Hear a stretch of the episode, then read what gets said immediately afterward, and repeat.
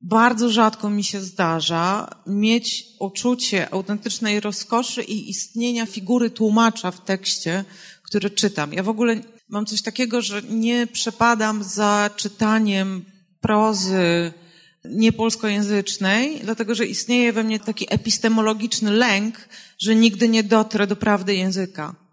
I rzadko się zdarza, panie Wojciechu, żebym miała uczucie rozkoszy wynikające z zestawień słów, które pojawiają się w tekście przetłumaczonym. Tak było Puławie, Puławie się, dziękuję bardzo.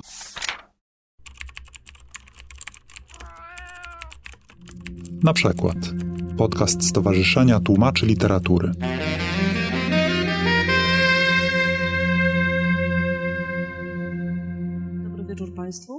Będziemy dzisiaj rozmawiać o prozie Clarice Lispector, legendarnej pisarki brazylijskiej, której zbiór opowiadań ukazał się w wydawnictwie WAB. Moimi gośćmi są Małgorzata Halber, publicystka, Weronika Murek, pisarka i Wojciech Harchalis, dzięki któremu mamy polski przekład Clarice Lispector. Zaczniemy od prostego zagajenia, a mianowicie zapytam moich gości, dlaczego tutaj są. Jakby obecność pana Wojciecha jest oczywista, ale chciałabym, żeby powiedział o tym swoimi słowami. Zaczniemy od publicystki Małgorzaty Halber. Ja jestem tutaj z tego powodu, że ten zbiór opowiadań wywarł na mnie bardzo duże wrażenie. To, co ze wstępu wydało mi się być taką największą obietnicą rozkoszy, to informacja o tym, że Lispektor starała się złamać gramatykę języka podczas swojego pisania, że sięgała po nowy język. Dla mnie osobiście, jako dla osoby piszącej, czytającej, nic ciekawszego niż próba zmierzenia się z językiem w tekście nie ma. Co ciekawe, kiedy już przeczytałam te opowiadania, to nie znalazłam, szczerze mówiąc, oprócz kilku dosłownie wyjątków, prób złamania tej gramatyki. Natomiast to, co mnie spotkało, jest bardzo swoistym doświadczeniem czytelniczym. Mam takie wrażenie, że w ogóle narracji stwarzanych przez kobiety w dalszym ciągu jest zbyt mało w stosunku do tych, które istnieją i zostały stworzone przez mężczyzn w literaturze. Szczególnie narracji niekoniecznie nam współczesnych. I te doświadczenia, te metafizyczne przeczucia kobiecości, które Lispektor nazywa, to było dla mnie wielkie zaskoczenie i jakieś takie też zmierzenie się z własnymi ukryciami, więc w swoim towarzystwie stałam się samozwańczą piewczynią Lispektor i myślę, że stąd moja obecność tutaj. Moje pierwsze spotkanie, w ogóle lektura Lispektor, to był chyba rok 2011. W jednym z wydań literatury na świecie były właśnie tłumaczone jej opowiadania i także były prezentowane z tego, co pamiętam, opracowania, eseje na temat jej pisania. I pamiętam, że jak mało która pisarka czy pisarz w ogóle, którego czytałam jakoś regularnie w ramach zapoznawania się z tą literą na świecie, bardzo zapadła mi w pamięć i to jeszcze w taki sposób, którego sobie wtedy nie potrafiłam nazwać i może dzisiaj też nie potrafię, ale to zobaczymy. I bardzo często sobie wracałam jakoś myślami do tych opowiadań. Przede wszystkim pamiętam do dzisiaj, że to była Jajko i Kura, tak? I najmniejsza kobieta świata. I to było dla mnie jakoś tak niesamowicie sensualne przeżycie czytelnicze, jeżeli chodzi o język, jeżeli właśnie chodzi o to, co ty nazywasz tym przeczuciem. Ja to sobie jakoś ogrywałam takimi słowami, że, że tam jest jakaś tajemnica, która bardzo mnie pociąga, do której jeszcze nie potrafię przylgnąć w taki sposób, żeby sobie jakoś wybadać ten kształt tej tajemnicy. Ale dobrze zapamiętałam właśnie tamto wydanie. I kiedy Julek Kurkiewicz z redakcji książek do mnie napisał, czy ja bym nie chciała napisać tekstu na jej temat, bardzo się ucieszyłam, bo wtedy dzięki niemu dowiedziałam się, że ta książka będzie wydana po polsku w takim szerszym wyborze. Ja z Clarice Lispector mam trochę inne przeżycia. Dla mnie to jest pisarka oczywista. W świecie portugalskojęzycznym i hiszpańskojęzycznym jest obecna od bardzo dawna, w związku z tym, że ja zajmuję się tłumaczeniem literatury również portugalskiej czy portugalskojęzycznej. Byłem atakowany wielokrotnie przez szczególnie polonistki z różnych uniwersytetów z pytaniem, kiedy wreszcie? Więc było oczywiste, że trzeba to będzie kiedyś w końcu zrobić. Michał Lipszyc w pewnym momencie w literaturze na świecie zaczął promować, w pewnym momencie też pojawi się w Gazecie Wyborczej, tak na dwie szpalty, duży artykuł. I mimo tych wydarzeń wydawcy bardzo mocno kręcili nosem na to, żeby zająć się Lispektor, aż tu nagle, nie wiem, czy to nowa dekada, czy o co chodzi, zaczął się szum, bo nie tylko WAB, ale przynajmniej dwa inne wydawnictwa jeszcze próbowały nagle zacząć tę autorkę wydawać. No i wtedy pojawiłem się ja. Clarice Lispector w Polsce była wydawana, natomiast były to wydania dość rozproszone, nieregularne. Ten zbiór promowany jest często przy użyciu określenia legendarna. W Polsce ona jest nieznana, ale rzeczywiście z tego, co czytałam w krajach hiszpańskojęzycznych, w Portugalii, w krajach anglojęzycznych też ma status ikony, jej twarz jest reprodukowana, rozpoznawalna. U nas to tak nie wygląda. I chciałam Was zapytać, co sądzicie o takim sposobie określania pisarki jako legendarna? Że ja jestem wielką przeciwniczką używania tego określenia. Jako zwolennik rozbrajania wstydu, nie lubię tego rodzaju określeń, ponieważ kiedy jako odbiorczyni stykam się z określeniem czegoś jako legendarne, a ja tego nie znam, to natychmiast uruchamia się we mnie ten taki wstyd z pierwszego roku filozofii, że ja czegoś nie znam, co oznacza, że jestem głupia, i bardzo szybko powinnam nadrobić swoją niewiedzę, nie przyznając się do tego. Jest takie słowo angielskie, które po polsku tłumaczy się jako onieśmielające, ale myślę, że to intimidating jest mocniejsze po angielsku i właśnie to legendarne jest intimidating. Trzeba powiedzieć, że szczególnie przy tej postaci, ta otoczka, przez którą trzeba przejść, tej legendy, która wokół niej się wytworzyła, która była potem powtarzana, trzeba przez to przejść, żeby wejść też potem bliżej w te opowiadania. I ja pamiętam, że kiedy pierwszy raz właśnie dostałam tą książkę do czytania, to Zatrzymałam się długo na wstępie, który był pisany przez biografa właśnie Lispektor, który, nie wiem, całą pierwszą stronę, czy całe dwie pierwsze strony poświęcał przede wszystkim opisom jej twarzy, o tym, jak ona miała charakterystyczny wygląd, że wydawała się jak wilczyca, że była taka niesamowicie z wysokimi kośćmi policzkowymi, z zielonymi oczami. Ale właśnie tak sobie myślałam też o tej Lispektor, bo jakby cała też jej biografia, z której w zasadzie wynika, że ona bardzo też ceniła tą prywatność, była w ogóle w kontaktach z dziennikarzami niesłychanie małomówna i bardzo też chciała zachować siebie dla siebie, bo twierdziła, że nikt nie zrozumiałby Clarice Lispector, która maluje sobie paznokcie u nóg na czerwono. Chyba udzieliła tylko jednego wywiadu telewizyjnego, która jest tylko na jednym no nagraniu. Właśnie, pod koniec życia. Tak, pod koniec w roku dziwne, śmierci, dokładnie. Tak. Więc ona też, nie wiem czy celowo, czy nie, ale w każdym razie bardzo dużo wokół niej jakby tych legend, one lgnęły do niej jak, jak mokry jedwab do ciała i to też jest taka rzecz, która dosyć ustawia to czytanie, kiedy się przez to wszystko przechodzi. Wspomniałaś o Benjaminie Muzerze, biografię. W polskim wydaniu znajduje się wstęp jego autorstwa, który na pierwszej stronie zawiera dość dziwne dla mnie zdanie. Kwestie wyżyn artystycznych, które osiągnęła, są do pewnego stopnia nieistotne. Najważniejsza jest magnetyczna miłość, jaką wzbudzał u swoich admiratorów. To bardzo pasuje do tego, co powiedziałaś, natomiast jest to smutne i szokujące, że pisze to jej biograf, na pierwszej stronie wstępu, co Ale rzeczywiście ustawia ten odbiór. Jeśli mogę się tutaj wtrącić, to ja mam wrażenie, że mamy tutaj do czynienia z takim case'em trochę jak z Ginczanką, której zbiór teraz wyszedł i znowu jakby powtarza się ten sam problem, tak, że była piękna oraz miała ciekawą biografię. A to, że jakoś pisała interesująco, w sumie była lepsza od Tuwima, to, to już nie jest istotne za bardzo. Ja się absolutnie zgadzam. Jeżeli mówimy o Clarice Lispector jako legendzie, to trzeba opowiedzieć o tym, jak ona jest postrzegana w Brazylii to jest kobieta absolutnie nieprawdopodobna, bo to jest pani, która w wieku lat bodajże 19 czy 18 dostała się na uniwersytet, na prawo, gdzie były tylko trzy kobiety tam, natomiast Żydów dwóch. I ona była tym drugim, ona była kobietą Żydówką.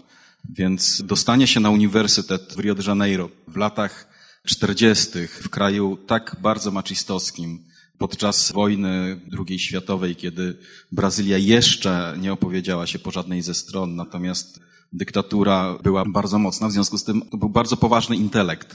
W wieku 21 lat wyszła za mąż za faceta, który pochodził z bardzo bogatej, burżuazyjnej rodziny, elity Rio de Janeiro. Coś tam musiało być w niej, oprócz tego, że ładnie wyglądała.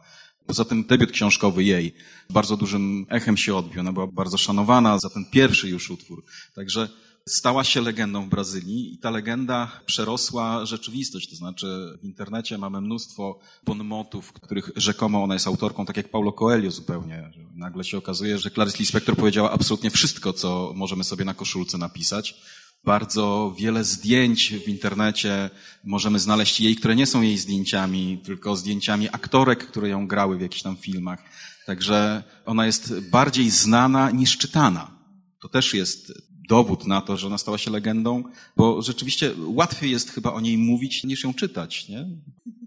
No właśnie, powiedzcie dwa słowa o tym, jakie techniki zaadaptowałyście sobie do czytania tych opowiadań. Czytałyście ten zbiór całościowo, czy wybierałyście sobie po prostu jakieś fragmenty, wracałyście do tego? Opowiedzcie coś o tym doświadczeniu czytelniczym.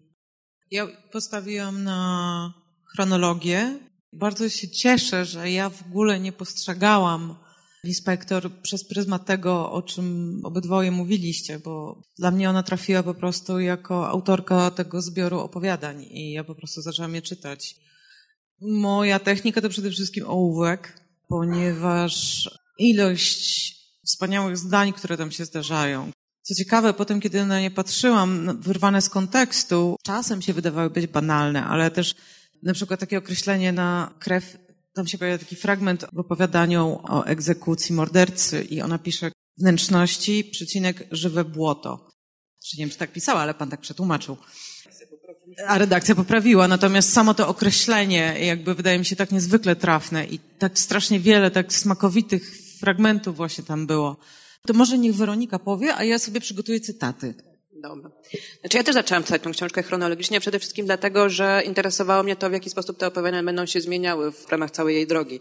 Faktycznie dla mnie była wyczuwalna jakaś taka cała jej ścieżka, droga i to, w jaki sposób zmieniała różne strategie myślenia językiem, myślenia też ze względu na punkt w życiu, w którym się znajdowała i to, w jaki sposób, tak sobie wyobrażam, może za bardzo interpretując, to wpływało na jej postrzeganie świata.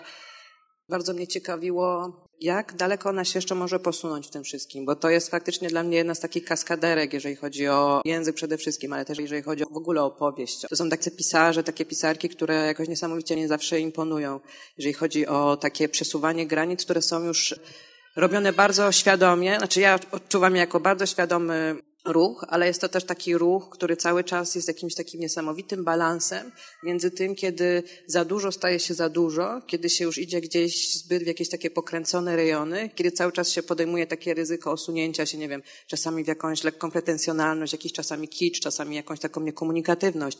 I bardzo mi jakoś imponowało, cały czas imponuje to, że ona podejmowała to ryzyko takiego osunięcia się, bo wydaje mi się, że niewielu pisarzy potrafiło dojść do tak zaawansowanej woltyżerki, jeżeli chodzi o to jej pisanie, więc bardzo to mnie cieszyło przede wszystkim w tej lekturze. Znalazłaś fragmenty? Jedno z moich ulubionych opowiadań to są listy do Hermengarda.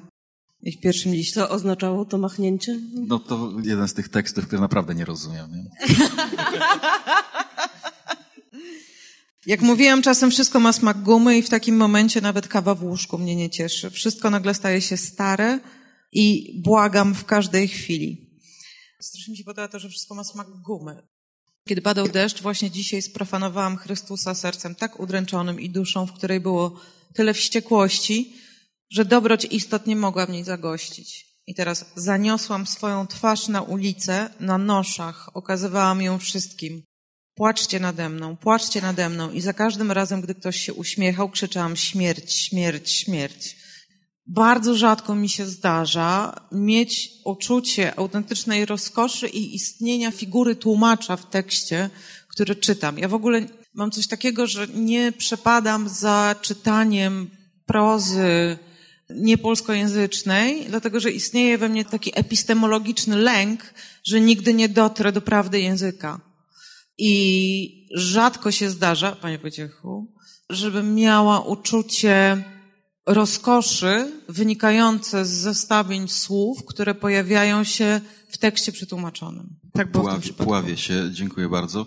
Natomiast dużo pracy z tym językiem było rzeczywiście i jest wiele elementów, które portugaliści jeszcze będą tutaj wywlekać i wbijać szpileczki w moją kukiełkę. Dość, że powiem, że w jednym z opowiadań istotną sprawą jest to, że główna bohaterka, która zresztą jest pijana i gruba, to jest ważne w tym opowiadaniu, mówi po portugalsku. W sensie z akcentem portugalskim, ona jest Portugalką z Portugalii, co od razu oznacza w Brazylii, że ona jest zabawna. No i my to opowiadanie zupełnie inaczej, nie? To tak już, żeby ten zachwyt tam stanować nad tłumaczem. Ale cieszę się, że takie wrażenia. Czy ja mogę mieć jeszcze pytania a propos tłumaczenia? Bo jest jedna rzecz, która mnie cały czas zastanawiała, kiedy czytałam sobie właśnie opracowania, tą biografię i w ogóle książkę. Jeżeli chodzi o poszukiwanie z tego, co wyczytałam, inspektor języka, który nie jest binarnie przypisany do narratora, który określa samą siebie, czy samego siebie od samego początku jako kobietę albo mężczyznę. I z tego, co czytałam, ona właśnie stosowała tego rodzaju zabiegi. Więc zastanawiałam się, w jaki sposób język polski sobie radzi z takim językiem nieprzypisanym. Wydaje mi się, że w opowiadaniach chyba raz coś takiego było. Zresztą kończy się opowiadanie, że Bóg, ona, nie, nie pamiętam, ona, Bóg, coś takiego, raz coś takiego się zdarzyło. Drugim razem jest takie opowiadanie, gdzie ona siedzi, przepraszam, on siedzi, bo, y, no właśnie, ona czy on, siedzi i patrzy jak on, i to już na pewno on, je kotleta. I to jedzenie kotleta, czy jedzenie obiadu przez jakiegoś faceta w restauracji jest opisane, tam nic więcej nie ma. Natomiast narrator siedzi, przygląda się jak on je i wyobraża sobie cały świat na podstawie tego jedzenia. Tam rzeczywiście też trudno było ustalić, czy jest to mężczyzna, czy kobieta, natomiast w ostatecznym rozrachunku w przekładzie jest mężczyzna, bo zdaje się, że gdzieś tam jednak okazało się, że mężczyzna. W powieściach najprawdopodobniej bardziej to widać. W ogóle charakterystyczne dla inspektor jest to, o czym pisał Mauser, że ona zaczęła pisać bardzo wcześnie i pisała przez całe życie, bez przerwy, więc mamy Czyli tutaj nie takie... przerwano. Słucham? Czyli nie przerwano. Tam też pada takie bardzo ciekawe tak, zdanie. Tak, tak. Że mamy tutaj do czynienia z jakby wyjątkowym korpusem dzieł literackich, bo możemy obserwować całościowy rozwój, o którym wspomniała Weronika, pisarki, człowieka. Ona zresztą obowiązki pisarskie łączyła z obowiązkami żony z klasy średniej. Wprawdzie miała służącą, natomiast nie było to wyjątkową sytuacją, bo wszystkie panie w jej sytuacji ekonomicznej e, Taka klasa średnia wyższa. wyższe miały pomoce domowe. I zastanawiałam się, czy pokusilibyście się o wyłonienie jakichś charakterystycznych wątków z tej prozy. Co tutaj takiego jest?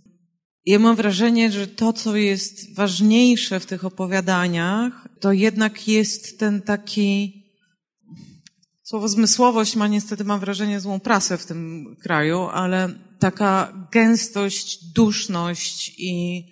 Emocjonalność. Znaczy, emocjonalność to na pewno, natomiast właśnie mam wrażenie, że taka przetworzona przez emocje cielesność to jest coś, co mnie bardzo uderzyło. Boję się, żeby tutaj nie wpaść w taką kliszę, że skoro to jest kobieta, która pisze, no to zmysłowość i tak dalej. Natomiast sposób, jaki ona właśnie intelektualnie przefiltrowuje to swoje doświadczenie, nie tylko swoje, cielesność, zmysłowość świata jest dla mnie czymś absolutnie unikatowym i to, że to jest zrobione właśnie w taki sposób, to o czym Weronika powiedziała, to znaczy te opowiadania jakby są pisane w poprzek tradycyjnych narracji. One za każdym razem są pewnego rodzaju eksperymentem. Tam zresztą na sam koniec jest taki quasi wywiad z nią, z Reader's Digest, w którym ona opisuje kolejne opowiadania i za każdym razem właściwie mówi, no tak, właściwie miałam takie wspomnienie i zaczęłam pisać, nie wiedziałam, gdzie mnie to zaprowadzi.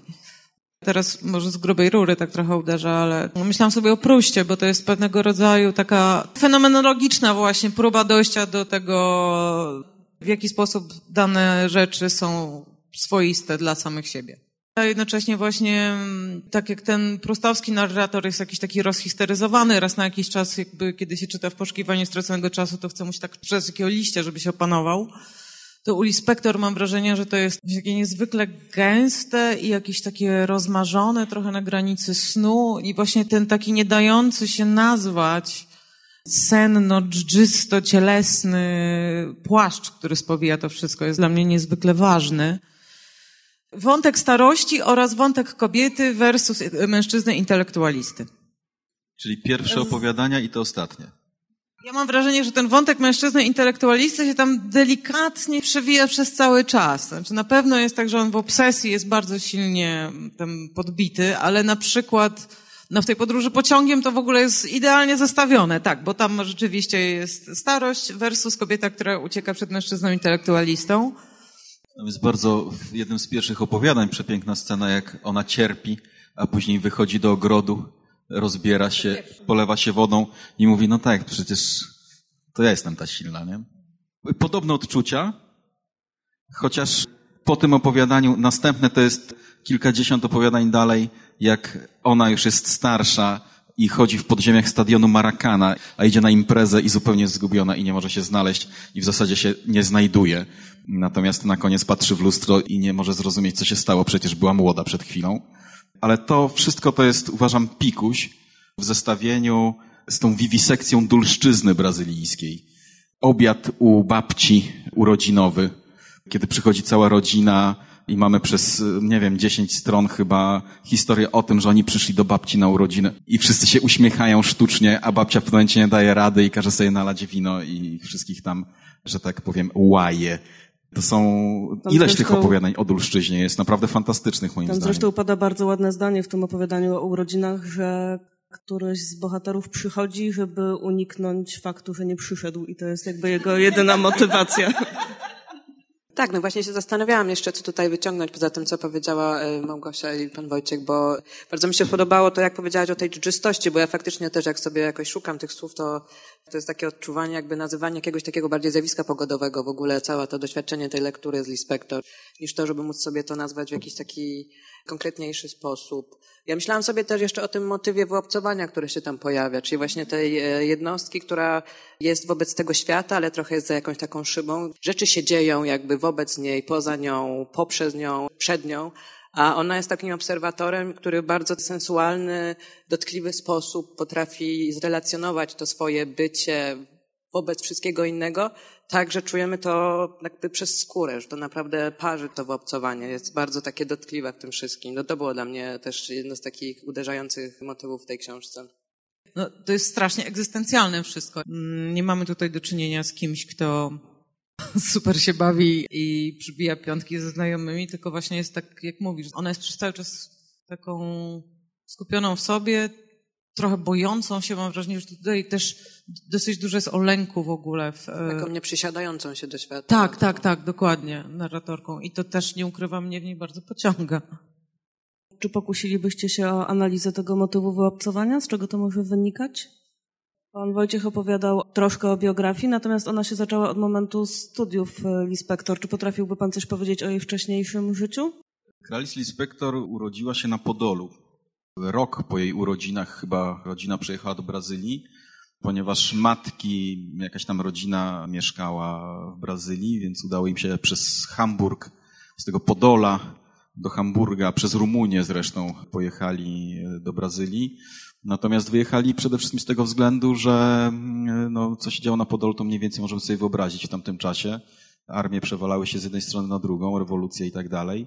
Mm, oni mieli taką pechową przypadłość, mianowicie byli Żydami, a tam trochę pogromów było w tamtym czasie. I między innymi podczas jednego z tych pogromów matka została zgwałcona przez żołnierzy rosyjskich i zarażona syfilisem. I tam panowała taka teoria, że jeżeli szybko zajdzie w ciążę, to ten syfilis jej się uleczy. Więc ona została leczniczo zapłodniona e, przez małżonka. Urodziła się Clarice Lispector. Ona się nazywa Haja wtedy jeszcze, jak się urodziła. Dopiero w Brazylii zmieniono jej imię na Clarysę. Ona się urodziła, matka nie została wyleczona, jak możemy się domyśleć. I to była historia, którą w rodzinie opowiadają. Matka bardzo szybko zresztą zmarła. Klarysa miała 9 lat chyba jak matka umarła i, i Clarice Lispector była świadoma tego, że urodziła się tylko dlatego, żeby uleczyć matkę, natomiast do niczego nie doszło i ona mówiła kiedyś, że to jest jakiś problem, który ciąży na niej straszliwie. Natomiast takie opowiadanie, które na mnie chyba największe wrażenie zrobiło w tym tomie i stosowałem je na lekcjach języka portugalskiego z konwersacji. Resztki karnawału, czy ostatki karnawału, nie, nie pamiętam jaki jest tytuł dokładnie w tej chwili po polsku, to jest taka historia o dziewczynce, która wspomina karnawał. Przypominam sobie, nie wiedzieć czemu ten karnawał, tyle lat minęło, ja ciągle o tym pamiętam, jak ona się przebiera na karnawał i ma być przebrana po raz pierwszy w życiu, a matka się źle poczuła i trzeba było pójść do apteki, ona musiała tej apteki pobiec. To jest tak przejmujące, rozdzierające straszliwie, że coś nieprawdopodobnego. A później jak znamy tę historię o tym gwałcie, to już jest, no, no trudno się dziwić, że ona była jaka była później. Tam jest też dosyć ciekawy wątek, jeżeli chodzi jeszcze cały czas o biografię, jeżeli chodzi o język. Poprzez też nietypowe nazwisko cały czas była jakby podejrzewana trochę o to, że portugalski, brazylijski nie jest jej ojczystym językiem, że ona dlatego w taki sposób pisze, że stąd się też biorą wszystkie te eksperymenty. I cały czas miała wrażenie, że musi się tłumaczyć, że tak naprawdę ona jest stąd, że to jest jej język ojczysty. I pamiętam, że też był taki motyw tej biografii, w której ona opisywała, jak wysłano ją do lekarza, logopedy, przez to, że miała przez długi czas, chyba przez całe życie, wadę wymowy, która polegała na specyficznym wymawianiu R, które potem tłumaczono w Brazylii, że jest typowe też dla osób pochodzenia żydowskiego.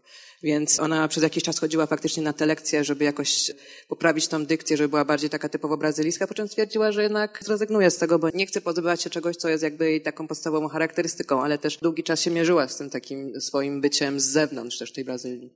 Czy ona wyglądała dziwnie, miała dziwne nazwisko, dziwnie mówiła, dziwnie pisała, więc była odbierana rzeczywiście egzotycznie przez całe swoje życie. To widać w tych tekstach jej, bo ona na pewno posługiwała się jidysz, na pewno chodziła do hebrajskiej szkoły, czyli uczyła się hebrajskiego. Jidysz hebrajski, na pewno rosyjski. Widać w tekstach, że na pewno mówiła po włosku, była osobą gruntownie wykształconą. Natomiast jeżeli chodzi o ten język, bo tutaj cały czas się pojawia, że język dziwny, dziwny, dziwny, a w tłumaczeniu tego za bardzo nie widać. Ten język rzeczywiście, on jest dziwaczny, przy czym trudno ustalić, na ile on jest dziwny. Ja mam takie graniczące z pewnością domniemanie, że dziwność tego języka dla Brazylijczyków polega na tym, że ona dziwne rzeczy opisywała. Ja tutaj jako tłumacz siadam do tekstu i mam ustalić, na czym polega dziwność języka pisarki, która pisze w latach 40. w Brazylii, czyli ten język jest trochę inny od dzisiejszego. Język brazylijski jest wielkim chaosem, to jest ponad 200 milionów ludzi chyba w tej chwili już, no niedawno było 170. Jest mnóstwo stanów, ci z północy mówią inaczej, ci z południa, wschodu, zachodu i tak dalej. Jest tego całe, tak naprawdę każdy mówi inaczej. Rzekomo istnieje jakaś gramatyka wspólna języka brazylijskiego. Ja nie wiem tego, nie widziałem nigdy takiej. Ja znam portugalski z Portugalii, brazylijski dla mnie jest trochę językiem egzotycznym, ale nasłuchałem się już tego w życiu, przecież zajmuję się tym od dwudziestu paru lat już. Więc ten język rzeczywiście on jest dziwny, ale nie wiem jak bardzo. Natomiast zdarzało mi się przy czytaniu tych tekstów znajdować kalki z polskiego. Może jidysz, może ukraiński, może rosyjski, a może to jest po prostu brazylijski. Naprawdę ileś takich miejsc, ja mówię, cholera, to jest niemożliwe. No, no ja bym postawił dwóje, nie? No to nie można tak mówić po portugalsku. No dobra, ale to Brazylia jest. Dobra, to przepraszam. To w Brazylii może można. W każdym razie część z tego języka, który był dziwny, musiał zniknąć w języku polskim. Nie ma tutaj możliwości, żeby tak nie było. Zostały te emocje. Bo ja nie wiem, jako czytelnik, który ma to przepisać później na polski, w jakiej roli mam się postawić? To znaczy, jako czytelnik idealny dla niej. Czy ja mam być tym Brazylijczykiem z lat 40. czy 50., czy ja mam być człowiekiem z zewnątrz, który to czyta jako. No, nie wiem, kim ja mam być. To chyba jest taki dylemat tłumacza w ogóle przed przystąpieniem do pracy nad tekstem, prawda? No tak, ale tutaj wszyscy gadają o języku. W każdym razie polecam, proszę Państwa, jest fantastycznie napisane po polsku. Gwarantuję, jest naprawdę super.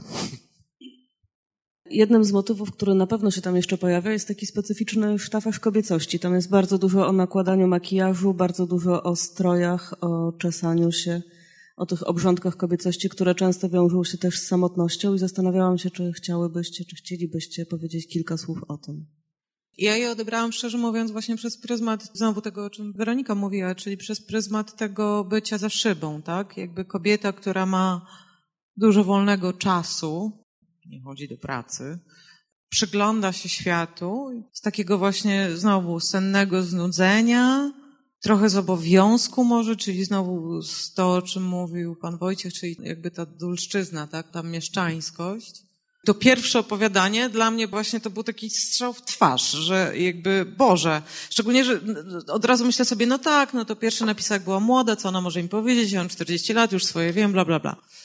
I opisanie doświadczenia, odrzucenia, jakby rozstania, to jest po prostu taka migawka z tego rozstania i z tego uczucia, kiedy kobieta się budzi następnego dnia po tym rozstaniu, ma poczucie, że świat się skończył, tak? I ona potem zaczyna ablucję, i mam wrażenie, że to jest jedyny moment w tym tomie, kiedy te ablucje spełniają jakąś taką funkcję, kiedy już właśnie te dokładnie nie kąpanie się w morzu, tylko czynności, które wykonujemy w związku z tym, żeby wyglądać jak osoba, kiedy wychodzimy na zewnątrz.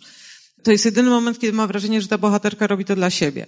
Natomiast w tych dalszych momentach ona mam wrażenie, że robi to właśnie z jakiejś takiej sennej, dusznej pustki.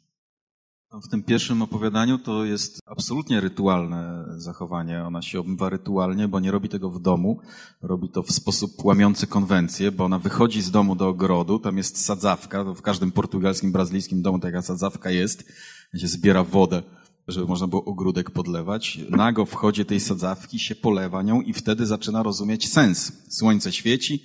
No taki obraz w ogóle bardzo miły, wydaje mi się.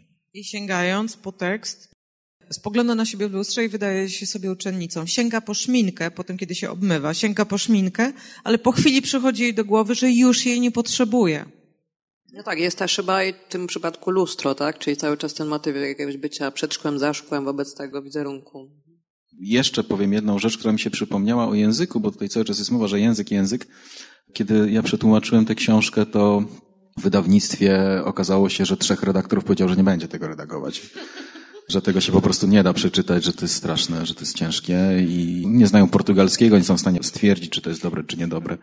I, i ja poprosiłem znajomą, e, która poprawia po mnie teksty bardzo często i i ona też nie zna portugalskiego oczywiście i poprosiłem, czy mogłaby ewentualnie zechciała w drodze wyjątku dla innego wydawnictwa pracować i tak dalej. I ona wzięła tę książkę, przeczytała ją w całości, mówi, wiesz co, no spróbuję, spróbuję, to trudne jest rzeczywiście, bo to, tam ona tak w poprzek tego języka, to trudne, trudne. Po czym po dwóch czy trzech miesiącach wzięła ten tekst, przeczytała go, poprawiła dosyć gruntownie, oddała mi go i mówi, tylko nie waż się nic mi tam zmieniać bo zburzysz całą koncepcję. Także tutaj, proszę Państwa, Katarzyna Raźniewska bardzo duży udział ma w tym języku. Naprawdę widać tutaj, jak bardzo ważny jest redaktor.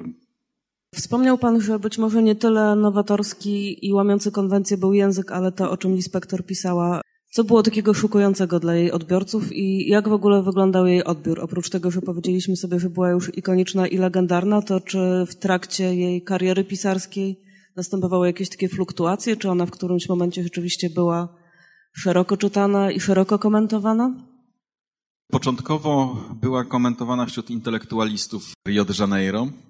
Ona chyba w ogóle nie skończyła studiów, bardzo szybko wyjechała do Neapolu już w 1944 roku, czyli miała lat 20 ile, 2, 3, jako e, świeża małżonka, ponieważ mąż został tam wysłany jako konsul. Nie wiem, czy Państwo wiecie, Brazylijczycy mieli swoje oddziały w czasie II wojny światowej, wysłali je do Europy i walczyły we Włoszech właśnie stacjonowały w Neapolu i tam konsul pojechał, on razem z nim.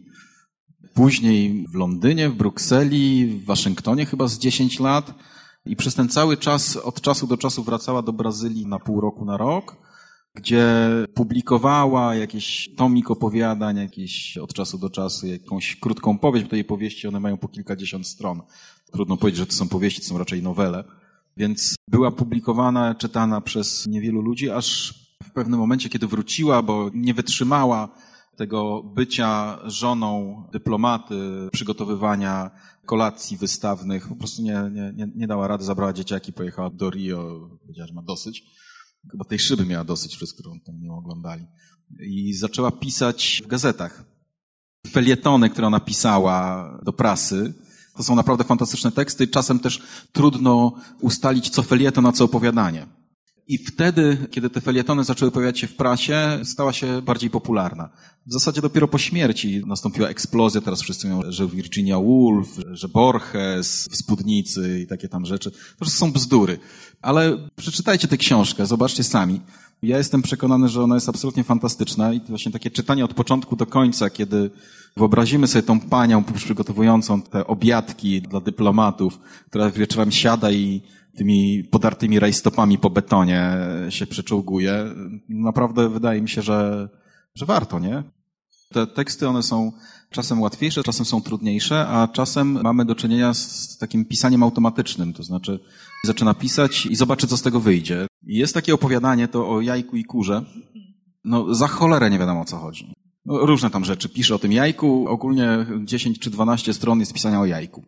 Ona sama mówiła, że ona nie wie, o czym ono jest takiej szło, no takiej wyszło, tak pisała. I kiedyś została zaproszona na, nie wiem, jakiś zlot czarownic, zdaje się, do Kolumbii bodajże. I poproszono ją, żeby wystąpiła z jakimś odczytem i ona przeczytała to opowiadanie, myśląc, że to może zrobić wrażenie, bo ono jest dosyć ezoteryczne, takie dziwaczne, więc przeczytała to opowiadanie. I podeszła do niej jakaś kobieta, mówi, Boże, pani napisała opowiadanie o mnie. Ja się nad tym strasznie męczyłem, to była katorżnicza robota, bo nie dość, że dziwaczny język, to nie wiadomo o czym ona pisze, ona sama nie wie o czym ona pisze, więc nie można nikogo zapytać, trzeba to wymyślić od początku do końca. Tam przez swoją wrażliwość przepuścić taką czy inną ułomną lub nie. I teraz przetłumaczenie. Niektóre szły po prostu elegancko, ślicznie i fantastycznie, a niektóre to była jakaś katorga straszna i wydawało mi się, że to jest niedobre opowiadanie, złe, a później czytam Adam Wideman pisze gdzieś tam, o, to opowiadanie, to jest prawdziwe opowiadanie odbiorczynie. Możecie mi opowiedzieć o tym? Jakieś wrażenia macie, czy nie? Jak to powiedzieć? Ja też trochę godzę się na taką niekomunikatywność, którą narzuca Lispektor, w tym sensie, że Rozumiem, że nie wszystko zawsze na świecie da się jakoś objąć, opisać słowami, jakoś sobie to przetłumaczyć. I dla mnie część tych opowiadań to są właśnie takie opowiadania do odczucia przy odczytaniu bardziej niż do opowiedzenia sobie o tych opowiadaniach jakoś później po tej lekturze. I ja zapamiętałam to opowiadanie właśnie dlatego, że ono było dla mnie jakąś taką zagadką, o której ja nawet nie wiedziałam, w którym miejscu zacząć grzebać i szukać odpowiedzi. I nie czułam takiej potrzeby, bo to było dla mnie bardziej takie właśnie przeżycie, to wszystko, co tam ona zaproponowała. Ta rzeczywistość, którą tam nakreśliła, ten odbiór mój był bardzo mocny, ale był bardziej cały czas w takich rejonach tego, że to jest jakaś taka naprawdę tajemnica w prozie, której nie jestem w stanie rozwikłać i mi się to podoba, że nie jestem w stanie rozwikłać. Ja się zdziwiłam, kiedy to powiedziałaś, bo to był taki moment, w którym ja odłożyłam to opowiadanie na chwilę, bo mnie z kolei to opowiadanie bardzo zazłościło. Jestem szalikowcem tajemnicy w prozie, naprawdę. Natomiast ja miałam wrażenie, że mam do czynienia z czymś na kształt próby traktatu filozoficznego. Mnie to tak strasznie rozsierdziło tak naprawdę. I nawet dzisiaj Oldze właśnie rano pisał, mówię, tak, no, tylko to opowiadanie o jajku po prostu. I potem ty tutaj mówisz, że to właśnie to zwróciło twoją uwagę. Myślę sobie, Boże, jesteś taka inteligentna, bo ja nie mogłam.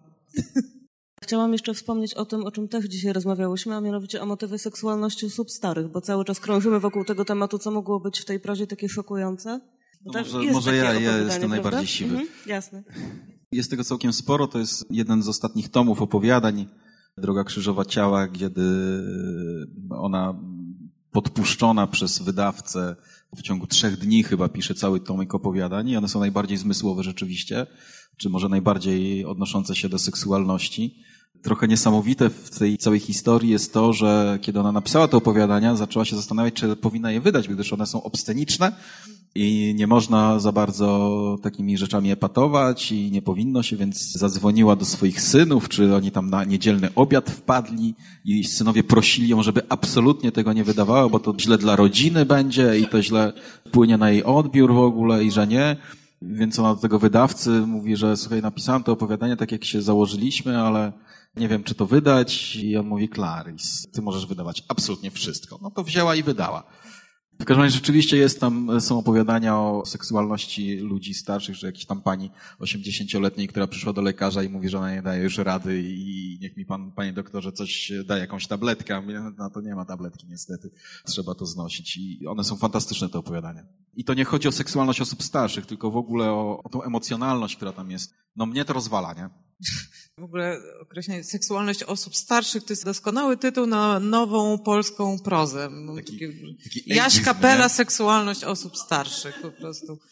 Bo to w żaden sposób takie brutalne określenie nie pokazuje opisania potrzeb i tragizmu, który się z tym wiąże, bo ja mam wrażenie, że tu jest to rozdarcie, że te postaci, które odczuwają pożądanie, smutek, że nie będą w stanie już nigdy wzbudzić pożądania u mężczyzny, który może im się podobać, patrzą na swoje ciało, oczywiście tu musi być epitet zwiędła, i czują ten klincz. Ja mam wrażenie, że rzeczywiście ten tragizm naszego doświadczenia, bo no znowu, w naszej kulturze mężczyzna jakby może być płodny oraz atrakcyjny Sean Connery do lat oczywiście 90. Ale to jak patrzymy przez szybkę, nie?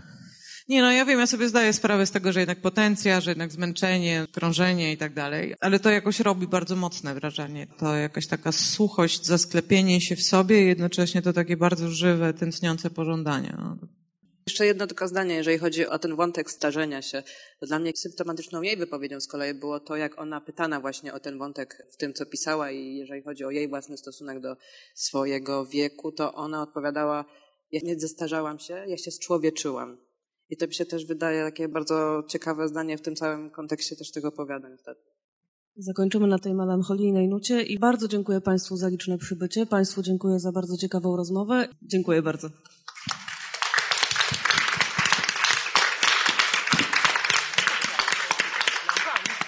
Wysłuchali Państwo na przykład podcastu Stowarzyszenia Tłumaczy Literatury.